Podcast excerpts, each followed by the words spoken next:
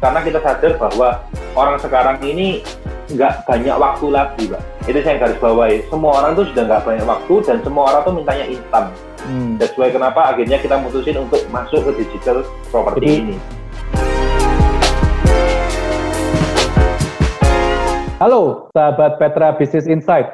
Sangat bahagia sekali pada hari ini kita bisa bertemu lagi untuk satu episode Petra Business Insight ya. Seperti komitmen kita bahwa melalui channel ini sahabat PBI atau Petra Business Insight diberikan wawasan tentang bisnis, inspirasi tentang bisnis supaya kita semua bisa semakin uh, bertumbuh begitu ya.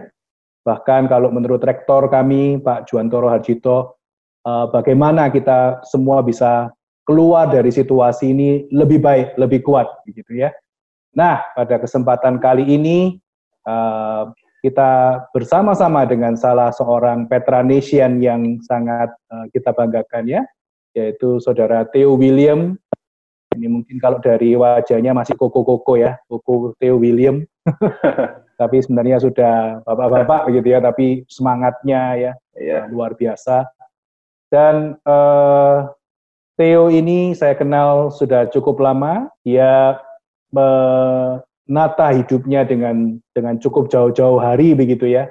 Bahkan sejak kuliah semester 1, Theo ini sudah menata gitu ya. Ke depan dia akan melakukan apa di dalam hidupnya, menggeluti bisnis seperti apa. Nanti kita juga akan belajar dari Theo uh, jatuh bangunnya begitu ya di dalam menjalankan uh, bisnis gitu ya. Oke, okay, Theo, apa kabar Theo? How are ya. you? Baik, baik, Pak Riki. Baik, baik, baik. Good, good. Pak Riki bagaimana? Baik, baik, baik. Theo ini sehat, sehat semua ya, Pak ya. ya. Puji Tuhan, puji Tuhan. Iya, iya. Memang yeah. suasana situasi kita tidak uh, favorable buat kita, tapi hmm. uh, seperti yang juga kita belajar dari banyak forum bisnis ya, selalu ada peluang ya Theo ya dari apa-apa yang yes. terjadi gitu ya. Betul. Mungkin diceritakan dulu Theo dari awal eh, bisnis apa yang Theo geluti, sudah berapa lama, dan mungkin diberikan hmm. highlight pencapaian-pencapaiannya selama ini. Silakan Theo. Oke, okay, thank you Pak Riki. Kesempatannya sudah undang saya di acara Petra Business saat ini. Uh, mungkin sebelumnya saya mau menyapa dulu untuk semua apa istilahnya nih Pak, sahabat Petra Business. Insight. Ya. Yeah. Oke, okay, hmm. sahabat Petra Business Insight. Uh, perkenalkan, saya Theo, alumni dari UK Petra, angkatan 2009. Jadi saya masuk kuliah itu 2009 di jurusan uh, manajemen bisnis, Fakultas Ekonomi. Kebetulan saya bisa selesai di semester ke-7. Uh, saya lulus tiga setengah tahun dan kemudian uh, saya mulai masuk terjun di bisnis saya sekarang ini. Jadi mungkin uh, saya sedikit cerita dulu Pak Riki ya, mungkin supaya uh, yang yang lihat-lihat ini bisa tahu. Jadi saya ini bergerak di bidang properti uh, consultant. Jadi orang-orang kalau orang dulu bilangnya itu uh, broker properti, brokerage, ya kan. Jadi uh, saya dulu pada saat mulai bisnis ini itu tahun 2013. 2013 bulan Maret saya ingat itu bulan Maret, saya wisuda itu Februari 2013. Jadi sama sih Pak Riki, seperti kayak mahasiswa umumnya ya. Uh, kalau saya flashback 2013 itu mulai dari bulan Oktober 2012, September itu kan sudah mulai buka nih peta karir kan ya. Yes. Kita sudah mulai jalan-jalan, kita mulai apply-apply, ya sama seperti kayak anak pada umumnya bingung mau ngapain, ya kan uh, jadi nggak tahu mau mau mau kerja apa ya kan masih bingung masih gerambiang karena jurusan saya kan jurusan seribu umat kata orang bilang kan bisnis itu jadi nggak nggak ada spesifikasinya mau kerja apa aja bisa. jadi ya, ya. yes. Jadi singkat cerita sih saya sih apply-nya ya umum lah kayak perusahaan bank, perusahaan nasional, hmm. perusahaan nasional, perusahaan multinasional, singkat cerita saya ada daftar di sebuah perusahaan multinasional. Ya mungkin nggak tahu sebut merek boleh atau nggak boleh pak nggak apa-apa kalau itu Jangan hal ya? positif silakan nggak apa-apa oke okay. jadi atau nggak usah lah saya saya, saya ada, ada, ada di perusahaan multinasional okay, saya okay, ada daftar okay. di sana nih saya sudah sampai level di uh, sudah mau ke Jakarta Inti, intinya itu sudah sudah oke, okay, sudah approve. Right, right. Dan saya ikut ikut uh, program mungkin teman teman-teman semua tahu manajemen trainee ya. MT, itu ada yeah. kontrak lima tahun mm-hmm. dan kontrak lima tahun pada saat itu itu saya sudah dapat uh, penawaran itu dengan income 5 juta per bulan Pak Riki. 2013 pada, ya Tio ya, awal yes, 2013. 2013 untuk fresh graduate, graduate ya, quite ya okay. menggiurkan. Right, quite okay. Ya, menggiurkan Pak, karena kita sudah dapat kontrak, kita dapat kerja yang perusahaan gede, perusahaan yang sudah mapan lah istilahnya lah, hmm. sudah sudah senior. Nah, pada saat itu saya mulai galau sih, mau berangkat, enggak, kita juga tanya sama orang tua, kita juga tanya sama ya sumber-sumber lain-lainnya lah. Kita ngomong diskusi gimana nih.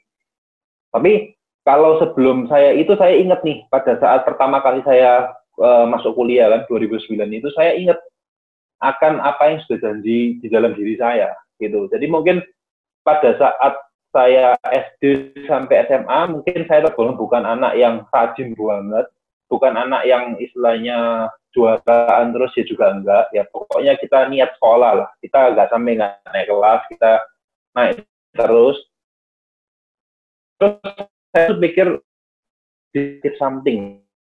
Apa di dunia nah di sana saya pikir bahkan kuliah ini cepat mungkin yaitu tujuh tujuh semester.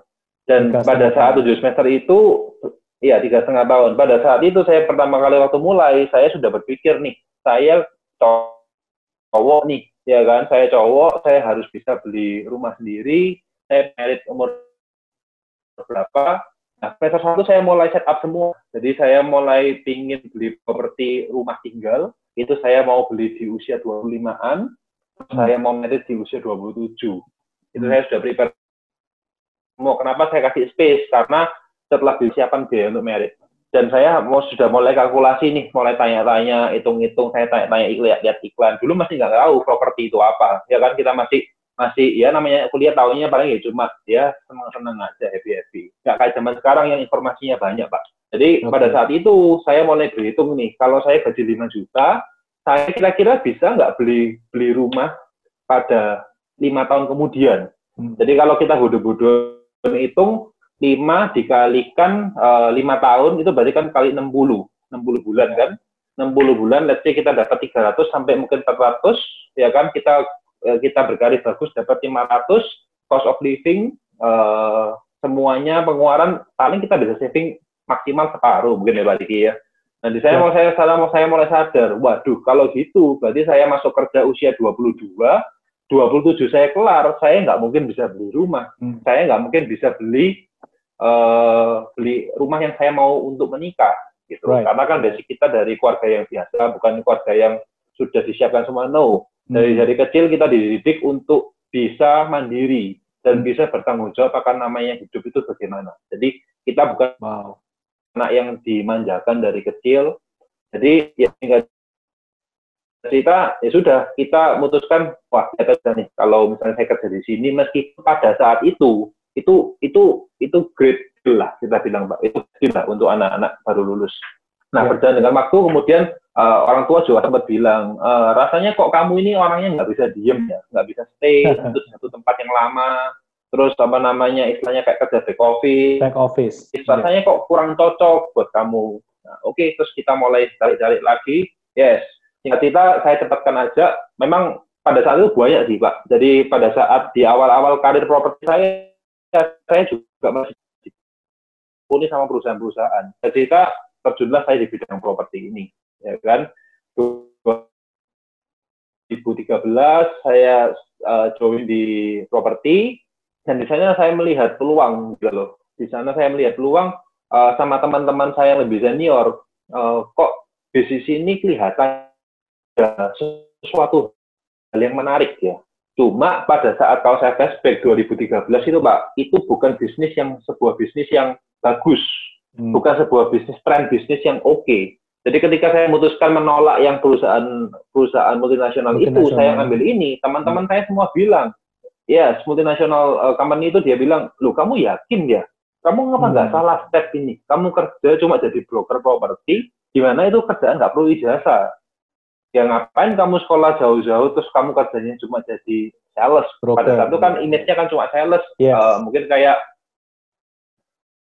eh, bagikan bagi brosur. Ya, Eh, ya. Pokoknya ya kayak orang SPG lah Pak. Dalam tanda kutip Iya, ya. Kita, iya, kita bagi-bagi brosur. Kamu yakin? Ya saya yakin aja sih. Gitu. Saya bermodal saya yakin dari sana.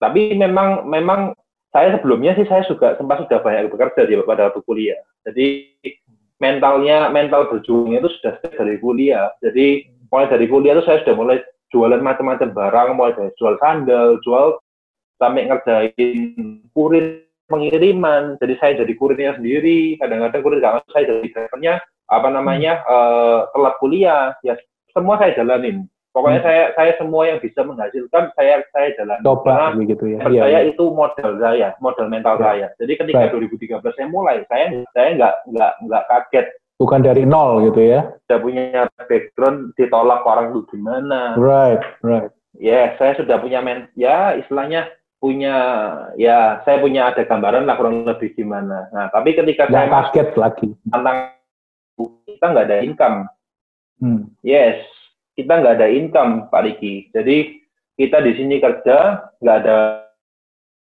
nggak ada closing, ya nggak dapat apa-apa. Nggak dapat apa-apa. Ya sudah saya jalanin, Pak. Saya jalanin, saya kerja jadi yes, saya jadi marketing 2013. eh, saya mulai jalanin, saya mulai jaga pameran di mall-mall, di Galaxy Mall, di TV, mana pun lah saya jaga, semua saya jaga.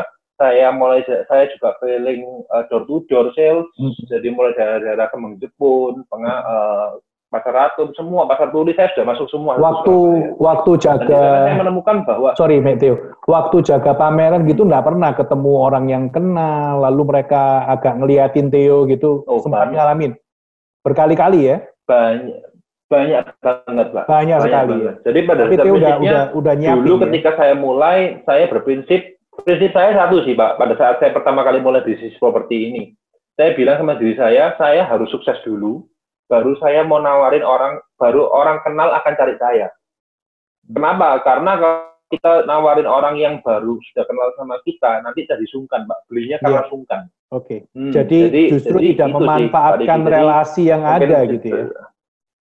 Justru tidak memanfaatkan Yes. relasi yang ada. Kalau bisa ketemu klien tuh yang tidak dikenal, setelah berhasil, baru mungkin menawarkan orang-orang yang dekat supaya kalau orang-orang itu beli atau bertransaksi bukan karena sungkan begitu ya, larinya ke sana ya. Yes, betul. Karena kita mau jual value dari propertinya, bukan karena sungkan, oh karena Sungkan, kenal kamu, Iya. sudah kenal kamu dari lama. Yes, kita bukan makan sungkannya, kita tapi Hmm. memang kita jual jasanya. Cerita Oke, satu aja. cerita Theo. 2013 saya mulai Satu- di sisi ini. Mungkin gini sih Hmm. untuk sahabat TBI ya, cerita satu saja kejadian Hmm. penolakan yang Theo ndak akan bisa lupa itu seperti apa? Waktu nawarin sesuatu. Satu aja, singkat aja. Yang Theo pernah Hmm. alami.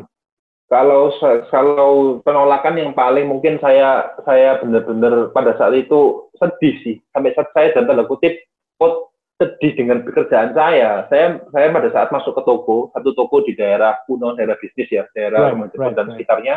Saya masuk toko itu nih saya kasih kasih kasih brosur. Saya tanya sama orangnya Pak Mas misi eh, ini bosmu yang mana ya? Terus mari gitu eh, saya dibilangi, oh itu bosnya yang baju kuning di dalam Hmm. toko. Kamu masuk aja, kamu kasihkan brosur saja. Biasanya sales-sales juga datang ke sana. Oke lah, oke, makasih mas, saya masuk. Pak permisi, eh, betul ya, bapak pemilik tokonya. Saya tanya karyawan di depan katanya bapak ini pemilik toko. Saya mau kasih brosur aja pak. Saya cuma bilang saya mau kasih brosur aja Hmm. pak. Oh, bosnya nggak ada, bosnya pergi. Loh, saya bingung loh. Bukannya tadi di depan bilangnya hmm. bosnya pergi ya, bosnya ada. Iya ya, bosnya pergi nggak ada. Loh, terus pulangnya kapan pak? Oh bosnya nggak pulang ke sini, bosnya sudah nggak pernah ke sini lah. Nah pada saat itu saya berpikir sampai, loh masa sampai segininya ya Hmm. pekerjaan kita mengganggunya kok sampai tidak dianggap Hmm, gitu hmm. loh pak. Itu sempat Jadi, sedih ya, sempat down ya. Hmm, hmm. Yes, Ya, yes, ya. Tapi tapi ya kembali lagi keluar dari toko itu lagi saya akan akan selalu bilang itu akan jadi memori yang paling indah, memori yang akan menjadi bekal saya di kemudian hari pak penolakan ini. Nah singkat cerita saya cepat flashback aja selama 2013 sampai 2015 saya berkarir sebagai marketing dan pencapaian uh, saya bisa sampai masuk di top 10-nya nasional untuk sales. Mm-hmm. Untuk sales, Pak. Jadi yeah, untuk yeah. sales uh, peringkat tujuh ya kalau masalah ya. Peringkat tujuh betul. Saya jadi untuk penjualan itu dalam dua tahun itu sebelumnya ya di sebelum tujuh ya ada di bawahnya, tapi intinya top performance-nya itu pada saat di top 10 nasional itu dalam kurun waktu dua tahun itu. Berarti waktu itu Theo usia berapa ya? Yang sampai tujuh nasional itu? 25, 25, 24 perpindahan segitu Pak, 24, 25-an. Dan enam yang di atasnya Theo itu usia berapa?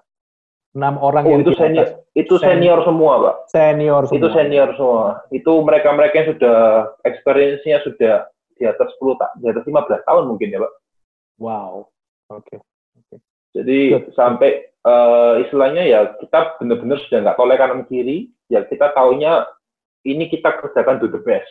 Fokus, oke. Okay. Okay. Ya, fokus. Jadi penolakan sudah mungkin mungkin sahabat Petra Bisnis Insight yang sudah bidang sales pasti sudah tahu lah pahit Rasa, pahit garamnya di sales ini wah kalau benar-benar mentalnya nggak kuat pasti pulang duluan pasti nangis yeah. pak istilahnya kan mereka istilahnya pride mereka kan di harga dirinya iya iya iya yes jadi saya selalu punya punya punya prinsip di bisnis ini kalau mau terjun di bisnis properti ibaratnya kita harus benar-benar sudah mengesampingkan namanya uh, sungkan malu atau sebagainya. Selama kita iya. nggak nggak cheating, nggak kita nggak nggak nipu orang, kita nggak nggak curi uang orang, kita uh, kerja semaksimal mungkin aja. Hmm.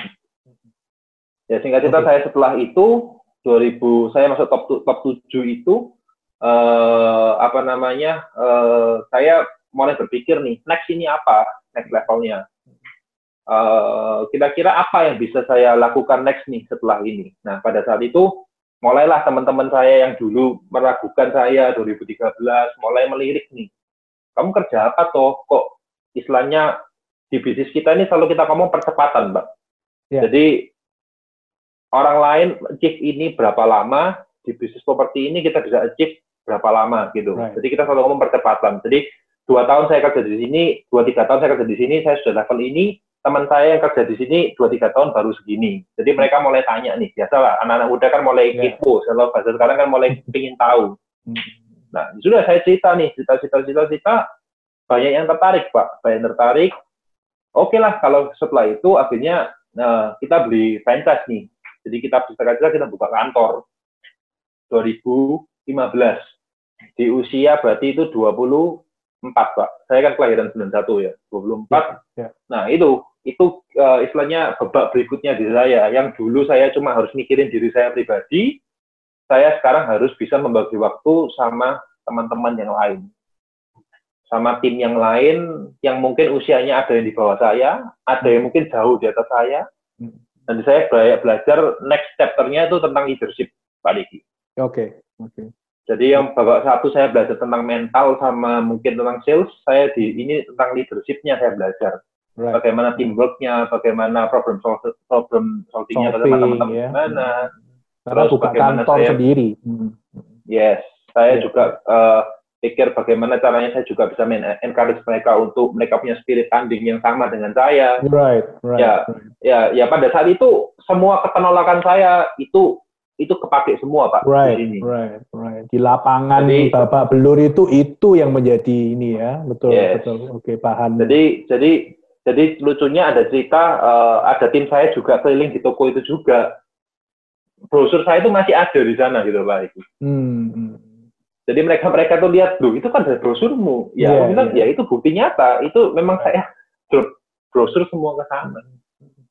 Dan Jadi dropping itu tidak sekedar dropping ternyata ya, harus menyapa, no. harus say hi, yeah, dan ada. siap dengan yang tadi itu dibohongin lah, dianggap tidak ada lah gitu ya, dianggap mengganggu hmm. lah. Oke, okay. okay. Lalu hmm. bisnis hmm. ini ya, bisnis properti yeah. ini, thank you Theo ya, insight yang bagus sekali eh, hmm. ngajarin anak muda hmm. bahkan sebelum lulus hmm. asahlah mentalmu begitu ya. Jadi sebelum hmm. lulus coba ada peluang apa ditolak itu biasa. Hmm. Terus ketika memimpin kantor sendiri, saya dengar kan hmm. uh, apa yang Theo lakukan ini bisa dikatakan breakthrough ya untuk uh, hmm. penggunaan uh, digital tools untuk hmm. uh, mengakselerasi bisnis properti. Bisa diceritakan Theo hmm. seberapa hmm. jauh penggunaan digital tools atau digital social media? Hmm. Hmm. Hmm. Jadi uh, saya nyambung tadi, Pak. Ini ceritanya sambungan dari tadi nih. Jadi sure. ketika uh, 2015 saya uh, mulai mulai mulai build team, mulai bangun kantor, mulai bangun apa namanya sistem kerja dan sebagainya. Berjalannya waktu ini kan eranya sangat tetap. Jadi yes. mungkin kalau Pak Riki flashback juga di tahun 2017-an itu kan itu kan tiba-tiba teknologi itu kayak rrr, kayak right, yeah, yeah. mulai muncul yang namanya selebgram, mulai yang novel right yang namanya influencer, right, mulai muncul right. yang namanya istilahnya banyak hal-hal baru, Pak. Nah, Dan cepat sekali ya. Satu hal yeah, baru, jadi itu hal baru lagi. itu nggak kayak 2013. Right, right. Ibaratnya hal baru satu kita belum belum kuasai Betul. sudah keluar hal baru lagi. Baru lagi, ya. Yeah, Hal baru lagi, hal baru lagi. Nah, hmm. ya yes, di sana saya pikir nih, bagaimana nih cara saya bisa inovasi pak dan tanda kutip hmm. inovasi dengan dengan tim yang ada dengan berinovasi tanpa batas istilahnya hmm. kita tidak dilimit tidak di tidak di press lah sehingga kita yeah. 2018 akhirnya kita memberanikan diri kita mulai bangun satu brand sendiri. Hmm. kita tidak ambil merek uh, yaitu brand brand kita sendiri brand uh, DB Real Estate Indonesia. It's okay. mana brand ini DB Real Estate Indonesia. DB Real Estate Dream Big Indonesia. Yeah. betul betul. Ya, jadi mungkin saya sedikit cerita filosofinya, kenapa kok apa namanya saya bangun brand ini karena ya semua mulai dari kita ya semua brand ini berangkatnya dari mimpi itu. Jadi mimpi kita sih pengennya bagaimana kita bisa uh, deliver the best property sih buat para klien-klien ini. Nah, singkat kita ya kita harus berbanyak yang namanya fitur-fitur itu. Nah, fitur-fitur itu mulai terdiri berdiri ya mulai dari sini, Pak. Ini ini berangkatnya cikal bakalnya. Jadi uh, mungkin uh, terdengarnya yang kayak Tio nggak uh, dapat di sebelumnya ya Tio ya, bisa dibilang begitu ya. Di di franchise nggak dapat ya. ilmu-ilmu itu, malah malah ketika bikin DB ini kayak bisa ngembangkan apa sayapnya sendiri begitu ya, terbang sendiri gitu istilahnya. Yes. Apa yes. contoh-contohnya Tio yang, yang kita gunakan? Uh, ya mungkin gini sih Pak, mungkin supaya uh, jelas juga sebenarnya di setiap chapter kehidupan saya itu saya belajar belajar hal-hal masing-masing positif sih Pak Riki. Hmm. Jadi each part itu kasih saya experience yang benar-benar tidak terlupakan, yang bisa kalau nggak dapat itu ya mungkin nggak dapat hari ada ini. lagi, oke okay. oke. Okay. Hmm. Yeah, yes, yeah. Nah, cuma kita prinsip kita kan harus harus next level terus harus next level. Nah, mungkin uh, tadi yang Pak Diki tanyakan uh, apa yang itu yang yang menjadi inspirasinya? Ya, mulai dari yang simpel aja sih. Kapan hari kita berangkat kan ke dapat kesempatan jalan-jalan ke luar negeri juga, uh, kita lihat nih perkembangan properti di luar negeri itu kok bener-bener uh, movement-nya cepat banget ya. Ibaratnya orang tuh ditawarkan dengan berbagai macam teknologi yang high-tech semua, mereka bisa uh, kontak agent dengan aplikasi, kontak agent dengan uh, video dengan dan lain hmm. sebagainya. Nah, kita kita terinspirasi dari sana sih. Simpel aja sih Pak Diki. Jadi sebulan dari sana kita belajar lagi. Sekarang setiap tahun kan kita kan kebetulan perusahaan kan ada trip ya Pak ya, trip reward. Kita juga berangkat ke Dubai, kita oh, lihat properti di sana. Oke. Okay, okay. Yes, hmm. kita setiap tahun kan ada trip reward ke, ke negara-negara masing-masing.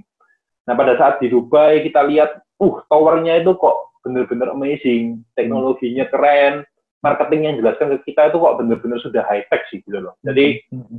ya kita kita terinspirasi dari sana sih pak. Jadi kita pulang kita berangkatlah kita buat yang namanya aplikasi, kita buat yang kemarin ini juga mulai boom juga YouTube kita, YouTube channel kita, di mana kita membuatkan konten-konten yang bisa mengedukasi orang karena kita sadar bahwa orang sekarang ini nggak banyak waktu lagi, pak. Correct, correct. Itu saya garis bawahi. Semua orang tuh sudah nggak banyak waktu dan semua orang tuh mintanya instan Hmm. That's why kenapa akhirnya kita mutusin untuk masuk ke digital property ini. Bisnis properti yang dulunya orang harus meluangkan waktu ninjau rumah sendiri, dibarengi brokernya, buka pintu rumahnya, keliling-keliling, hmm. itu sudah ada waktu gitu ya. Janjian ketemu yes. itu sulit. Maka akhirnya Betul. Bibi jemput bola dengan review Betul. rumah, review properti gitu ya. Dan yes. dibuat sesingkat dan, dan, mungkin ya supaya supaya tidak terlalu membuang waktunya mungkin. customer ya. Betul. Yes, paling kita buat uh, average 10 menit, max 13 menit lah. 13 menit ya? 13 menit selesai ya? ya? Hmm. 13 menit selesai. Kalau rumah yang ukuran medium medium ya. Hmm. Meskipun yang besar pun kita itu. juga pasti under 20 menit. Right. Hmm. Jadi right. Right. jadi di sana kita menegaskan apa yang menjadi selling point, apa yang menjadi apa yang bisa di highlight. Hmm. Jadi ketika kita meet up dengan klien, semua sudah tengah mateng ibaratnya kayak gitu. Yeah, yeah. Karena uh, saya kalau misalnya ngomong kan setiap tahun ini perpindahan bisnisnya sama sih Pak, jual beli properti jasa kan. Correct, correct. Tapi saya ketika saya masuk itu mungkin eranya SMS selesai, pindah ke eranya BlackBerry. Era BlackBerry selesai, pindah ke eranya namanya WhatsApp. WhatsApp selesai, masuklah ke sosial media lagi ya. Jadi kita ini terus terus ngikutin terus. Mungkin 2023, ya? yes. 2023 ya kita nggak tahu. 2025 ya kita masih riset terus pak apa yang kira-kira bisa itu sih ya. Pak Diki. Ya kebetulan kemarin juga itu ya. kita satu satu hal hmm. poin penting Theo yang tadi Theo sebutkan. Jadi trip itu sekalian belajar ya. That's a good idea ya. Yes. Jadi apa? Yes. Itu berapa orang Theo yang berangkat sampai ke Korea, ke Dubai begitu? Uh, itu sekali berangkat sekitar efek 15 orangan ya Pak ya. 15, 15 orang ya. Ya, jadi 15 itu mereka-mereka yang memang uh, achieve achieve dari target, target sales, kita dari company kan memang ada reward buat mereka. Hmm. Dan setiap uh, kita berangkat, itu kita pasti cari reason why-nya kenapa kita pergi ke sana. Jadi uh, kita uh, sebelum pergi ke Korea, kita sempat pergi ke Shanghai, ke China, Shanghai, Hong, uh, Shanghai, uh, Beijing, ya kan. Jadi kan di sana kan memang tempat-tempat yang istilahnya negara Asia yang benar-benar maju pesat. Dan ibarat dan kita selalu masih cari kalau setiap pergi itu kita masih cari kita masih adakan event itu yang selalu di tower pak. Jadi yang kita selalu mengadakan event itu pasti yang yang misalnya cari tower tertinggi itu kita masih hmm. kepingin datang hmm. di Dubai kita pergi ke Burj Khalifa kan hmm. uh, ke Shanghai kita kan pergi ke apa itu tower apa saya lupa yang tinggi itu juga namanya ya ya, ya, ya. yang yang pian jadi tower tinggi kedua yang ada bola-bolanya itu ya ya hmm. uh, jadi kita selalu ngajak tim ke sana supaya experience mereka hmm. itu mereka bisa cerita deliver ke klien ini loh imajinasinya karena kan kita nggak bisa bugiri Indonesia ini kan soon kan akan ke sana yes yes yes ketika kita dijelaskan tentang Dubai yang pertamanya padang pasir yang nggak ada hmm. apa-apa tiba-tiba berubah jadi kayak gitu langsung jadi Yes. Ya right. itu Pak, reason kenapa Luar biasa ya. Jadi sana, hmm, hmm. liburan, hmm. reward, tapi juga learning hmm. gitu ya.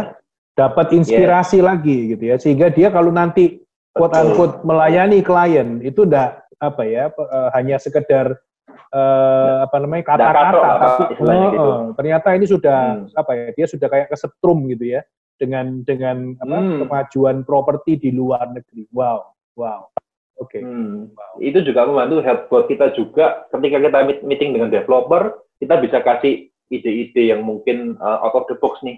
Karena kan right. terus terang kan market kan juga lumayan padat ya, karena semua orang right. bangun, bangun, bangun, bangun. Kita bisa kasih uh, ide-ide, brilliant ide buat developer bisa create something lah. Ini Karena kan yang lagi ya. musim.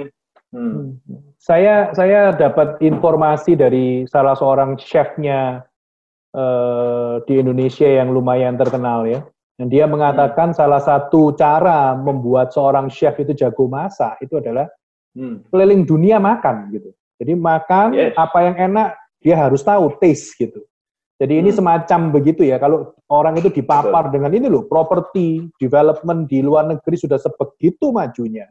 Ya, dan perusahaan juga nggak segan untuk mengeluarkan dana seperti itu karena toh memang mereka achieving Betul. gitu.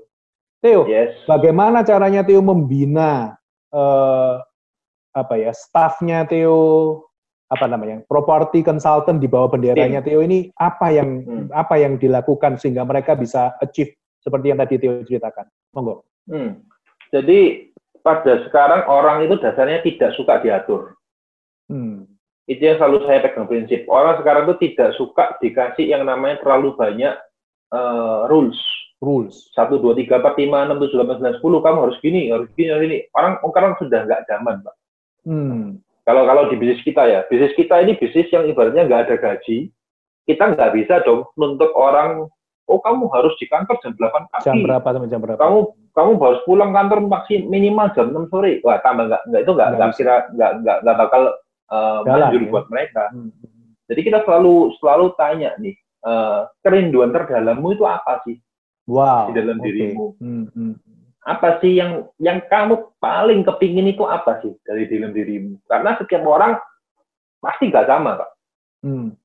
Pasti nggak sama. Dan pasti mereka juga punya yang namanya standar itu beda-beda. Yeah, iya. Yeah. Jadi ketika kita sudah tahu reason why-nya, kenapa dia harus bisa sukses, nah kita baru bisa uh, masuk lewat sana. Hmm. Jadi kita mulai pendekatan dari sana dan mereka ya set goal-nya sendiri. Hmm. Hmm. Jadi kita bukan bukan bukan bicara di angkanya, tapi kita bicara reason why kenapa kok kamu harus achieve itu. Hmm. Kenapa kok kamu harus bisa achieve ini? Kenapa? Yeah. Oh iya Pak, karena saya mau berangkatkan anak saya sekolah di Singapura. Butuh dana sekian. Oke, okay, butuh dana misalnya let's say kita ngomong berapa berapa. Ya sudah, kita nanti kan sudah ada ya. tabelnya Pak. Jadi maksudnya oh, gini. semua orang pasti punya yang namanya apa ya? Goal. Goals dan mungkin yes. sementara ini disederhanakan menjadi financial goals gitu. Yes. Tetapi ternyata wujudnya lain-lain gitu ya. Ada yang kepingin hmm. supaya anaknya bisa berpendidikan yang lebih bagus. Atau hmm. mungkin juga ada yang mau memberangkatkan papa mamanya berlibur misalnya gitu ya. Itu yes. itu bisa beragam gitu. Lalu yes. kalau Theo sudah tahu itu, bantu dia untuk ngeset gitu ya nata kan maksudnya yes. tidak ada rules itu kan juga bukan berarti nggak ada target nggak bukan seperti oh, itu ya, kan ya. betul ada, betul ada. betul kita pasti kasih namanya daily activity pak ada itu ya ya jadi itu dulu setiap hari itu apa kita pasti sudah ada yes. karena kita kan sudah di sudah SOP-nya nih kamu mesti ngapain aja cuma kadernya pak right right right kadernya berapa tuh, jumlah uh, jumlah property consultant di bawahnya uh, uh, DB kurang lebih sekarang ada 200-an, Pak. 200 ya? 200, 200 orang. Hmm. Itu backgroundnya gimana? Orang-orang yang uh, lulusan mix ya? Macam-macam ya? Hmm. Dan mostly mereka-mereka yang punya, uh, mungkin saya bilang, experience yang kurang bagus di masa lalu sih, Pak. Oh, itu? Yes. Okay. Yes. Seperti apa mereka, itu? Satu aja, satu contoh gitu. Apa experience apa yang tempat Extremely, mungkin ex, ex, ex orang yang pernah masuk bui. Oh wow, oke. Okay. Yes. Dan Theo bisa karena kan percaya kan, ya, bisa percaya orang ini ya? Iya, karena kan mungkin kalau kita bilang usia yang 30 40-an yang sekarang, Mbak, itu kan dia hidup di zaman SMA-nya yang korak banget, Mbak. Hmm. Jadi mereka yang mungkin tawurannya sudah ekstrim, ya kan, mereka hmm. mainannya sudah sudah jalur keras, Mbak. Sekarang kan beda ya. Nakalnya kan sudah beda. Kalau yang sekarang usia 40-an kan SMA-nya kan ekstrim, Mbak. Iya, iya, iya. Belum ada sosial media waktu itu. Yang ya. broken, broken home. Iya, iya, iya. Yes. Oke, okay, oke, okay, oke. Okay. Yes, yang broken home juga banyak. Hmm. Yang juga istilahnya stuck di satu company dan mereka tidak berani keluar sampai 15 tahun juga ada. Hmm. hmm. Jadi 15 tahun dia nggak nggak bertumbuh apa-apa ya kita mulai tata semua. Menarik ya. Berarti ini bisnis ini at the very core maknanya itu berarti hmm. memperbaiki hidupnya orang ya. Bisa dibilang begitu ya? Seperti visi misi saya sih Pak, visi misi perusahaan dari awal kita selalu ngomong zero to hero development. Zero to hero development. To hero development. Hmm. Karena pada dasar kita bisnis ini bukan hanya sekedar money aja. Hmm. Karena karena pada saat momen di mana dia bisa selesai dengan masa lalunya dia, bisa berdamai dengan masa lalunya dia, itu satu kepuasan yang benar-benar tidak bisa dihitung dengan duit, jujur ngomong. Hmm. Hmm. Jadi karena kalau kita bilang sales, hmm. nggak nggak ada selesai. Nggak ada selesainya. Jadi ada pernah uh, property consultant tuh datang ke Theo, say thank you begitu hmm. atau tak ta tahunya kalau dia udah berubah itu dari mana? Turnaroundnya dia ya, seperti apa? Ya paling gampang ketika dia dapat reward dan dia post di sosmed dia, mereka say thank you ke kita, wow. sudah menjadi leadernya mereka, sudah menjadi wow. temannya mereka, sudah bisa menjadi kawannya mereka, dan sudah menjadi istilahnya yang membantu pam dia terus. Ketika dia down, kita pam lagi. Ketika right. dia down, kita pam lagi. Ya, hmm. Ya itu sih Pak, lama-lama dari saya mulainya uh, turun ke tim leader. Hmm. Tim leader nanti turun lagi ke bawah. Jadi itu kita kayak kasih tongkat estafet terus Pak Riki. Hmm. Hmm. Tapi semua harus ada base core value-nya yaitu ya tadi saya bilang itu zero to hero development. Right, right, right. Wow, hmm. wow. Terakhir nih segmen terakhir. Ini kan yeah. COVID ya sudah sudah hmm. bukan rahasia umum lalu ya. Unfortunately hmm. Surabaya menjadi salah satu kota yang yang masih belum ya bisa benar-benar hmm. apa menghandle situasi ini. Piye dampaknya ke real estate consultant atau brokerage ini Theo, kondisi COVID ini. Terus apa yang kiat-kiat Theo yang uh, yang kiat yang Theo lakukan? Sorry. Hmm. Kebetulan kan kita bergerak di bisnisnya bisnis jasa ya Pak ya, bisnis manusia ya. Sebenarnya kan kita investnya kan di people-nya kan. Service, Beda dengan yes. kalau kita bilang developer kan mereka kan investmentnya mungkin di uh, tanahnya, yeah, di physicalnya. Ya hmm. banyak lah. Kita meskipun uh, dalam properti, tapi kan kita mungkin dua bidang yang berbeda. Hmm. Nah, kita sih terus terang pada saat kena COVID pertama kali, itu kita pas uh, pulang uh, jadi saya sedikit flashback itu saya ketika kita pulang dari trip Korea pulang, tiba-tiba kita happy happy semua sudah set semua, tiba-tiba hmm. boom Indonesia chaos tiba-tiba hmm. lockdown belum pakai lockdown ya masih apa WFH ya pertama kali ya. Work from home. WFH terus PSBB hmm. itu sudah jadi ketika bulan bulan April pak. Bulan April, April itu benar-benar sales itu benar-benar drop.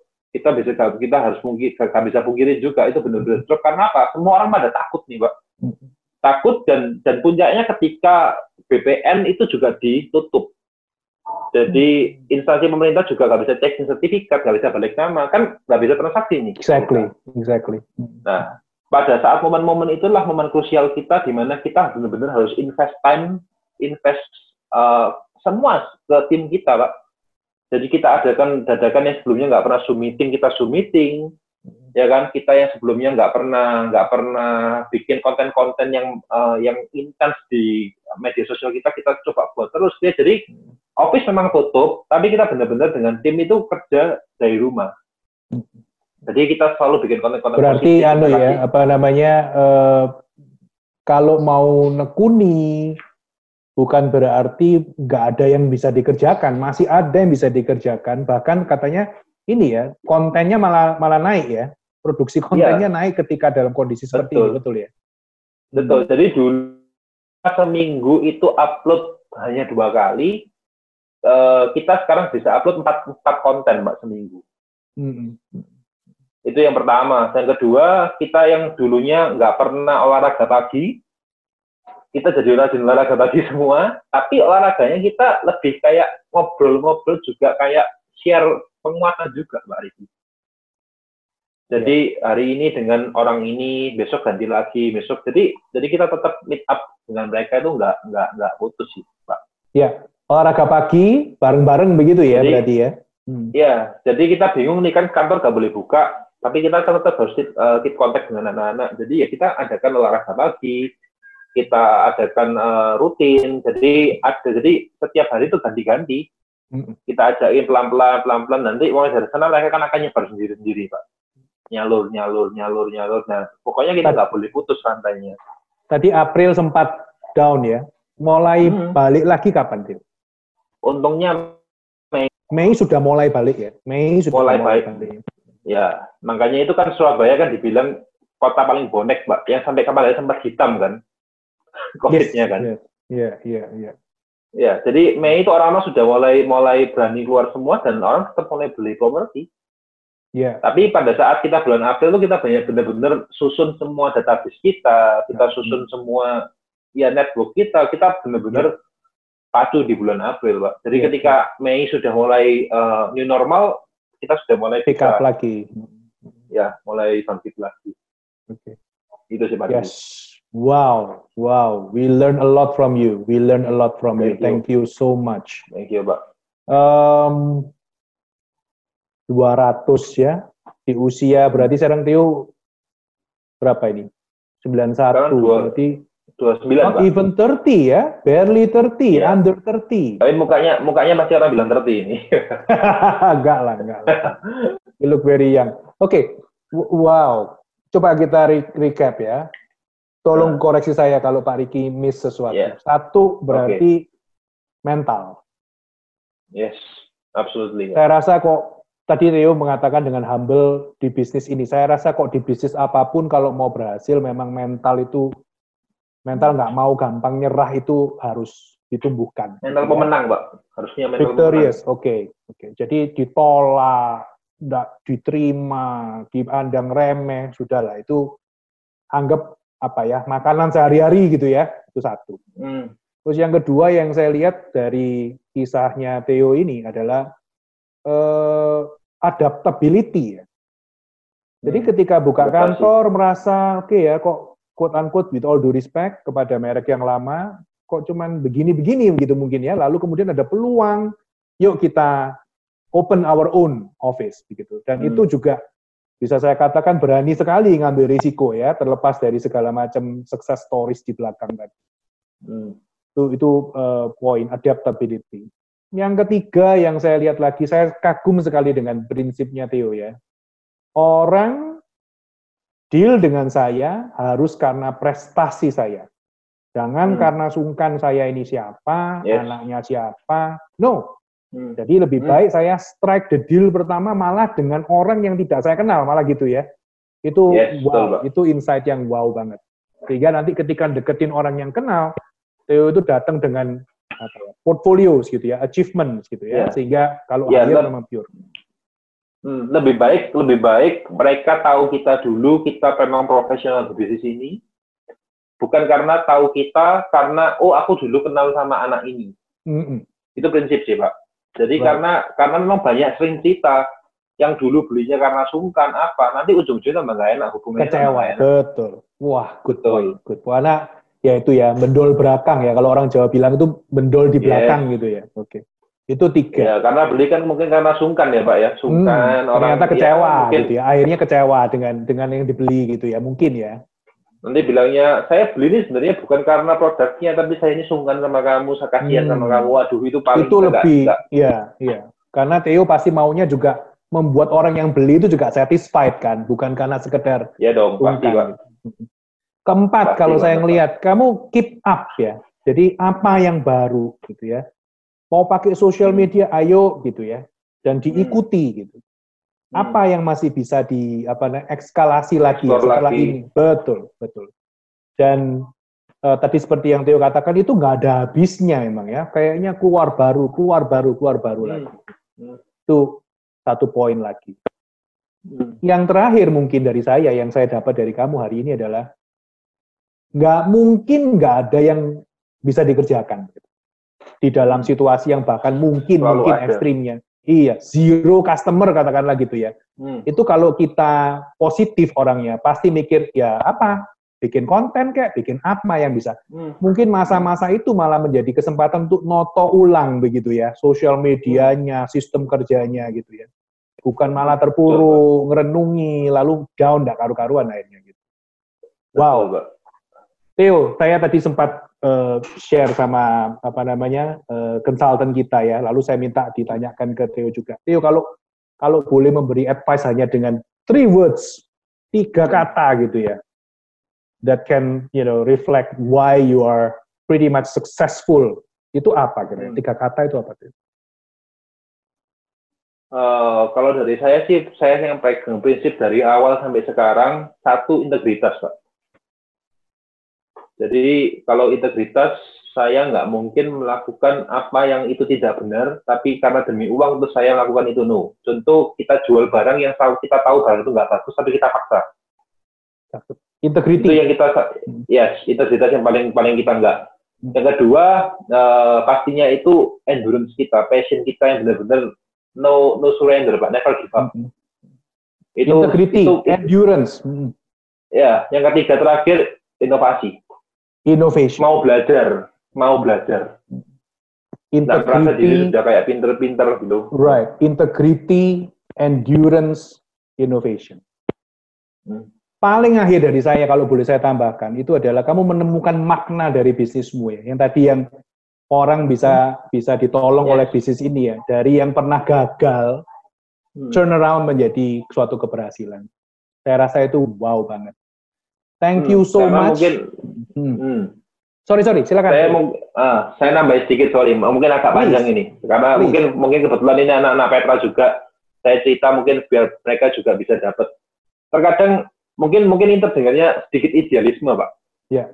Tapi pada poin di mana ketika kita benar-benar menemukan passion kita dan kita ya. benar-benar ya. bisa deliver apa yang menjadi sebenarnya meaning dari kita kerja, itu kita pasti benar-benar nggak kayak kerja setiap hari. Right. Karena apa? Karena kalau saya dulu mikirnya cuma saya jualan, Pak, pasti saya berpikir bahwa aku jualan lagi lebih banyak nih buat diriku sendiri. Mm -hmm. Tapi dari sini saya belajar melalui kita harus ada corong-corong lebih besar lagi. Itu sih yeah. sebagai quote dari saya terakhir untuk Yes, thank you. Jadi meaning thank ya. You banyak, Pak. Ini saya geser. Meaning ya. Yes, Pak Riki. Right. Meaning dari sebuah bisnis. Kalau kita menemukan itu, maka hmm. sepertinya kita ke kantor tiap pagi, tapi that's not working gitu ya. Ya. Karena itu Karena mengerjakan sesuatu yang iya, iya. Hmm. Wow, wow saya sudah sekolah sampai jenjang S3, tapi hari ini saya belajar banyak dari uh, Thank you juga, Pak. Thank you so much belajar. for everything that you have shared. Oke. Okay. Thank you. Thank, thank you, Theo. God bless you. Oke. Okay. Semakin God sukses, bless, semakin memberkati orang lain. Oke. Okay. Thank you. Thank you. Sukses buat Baliki juga. Thank you. Yo. Bye. Bye.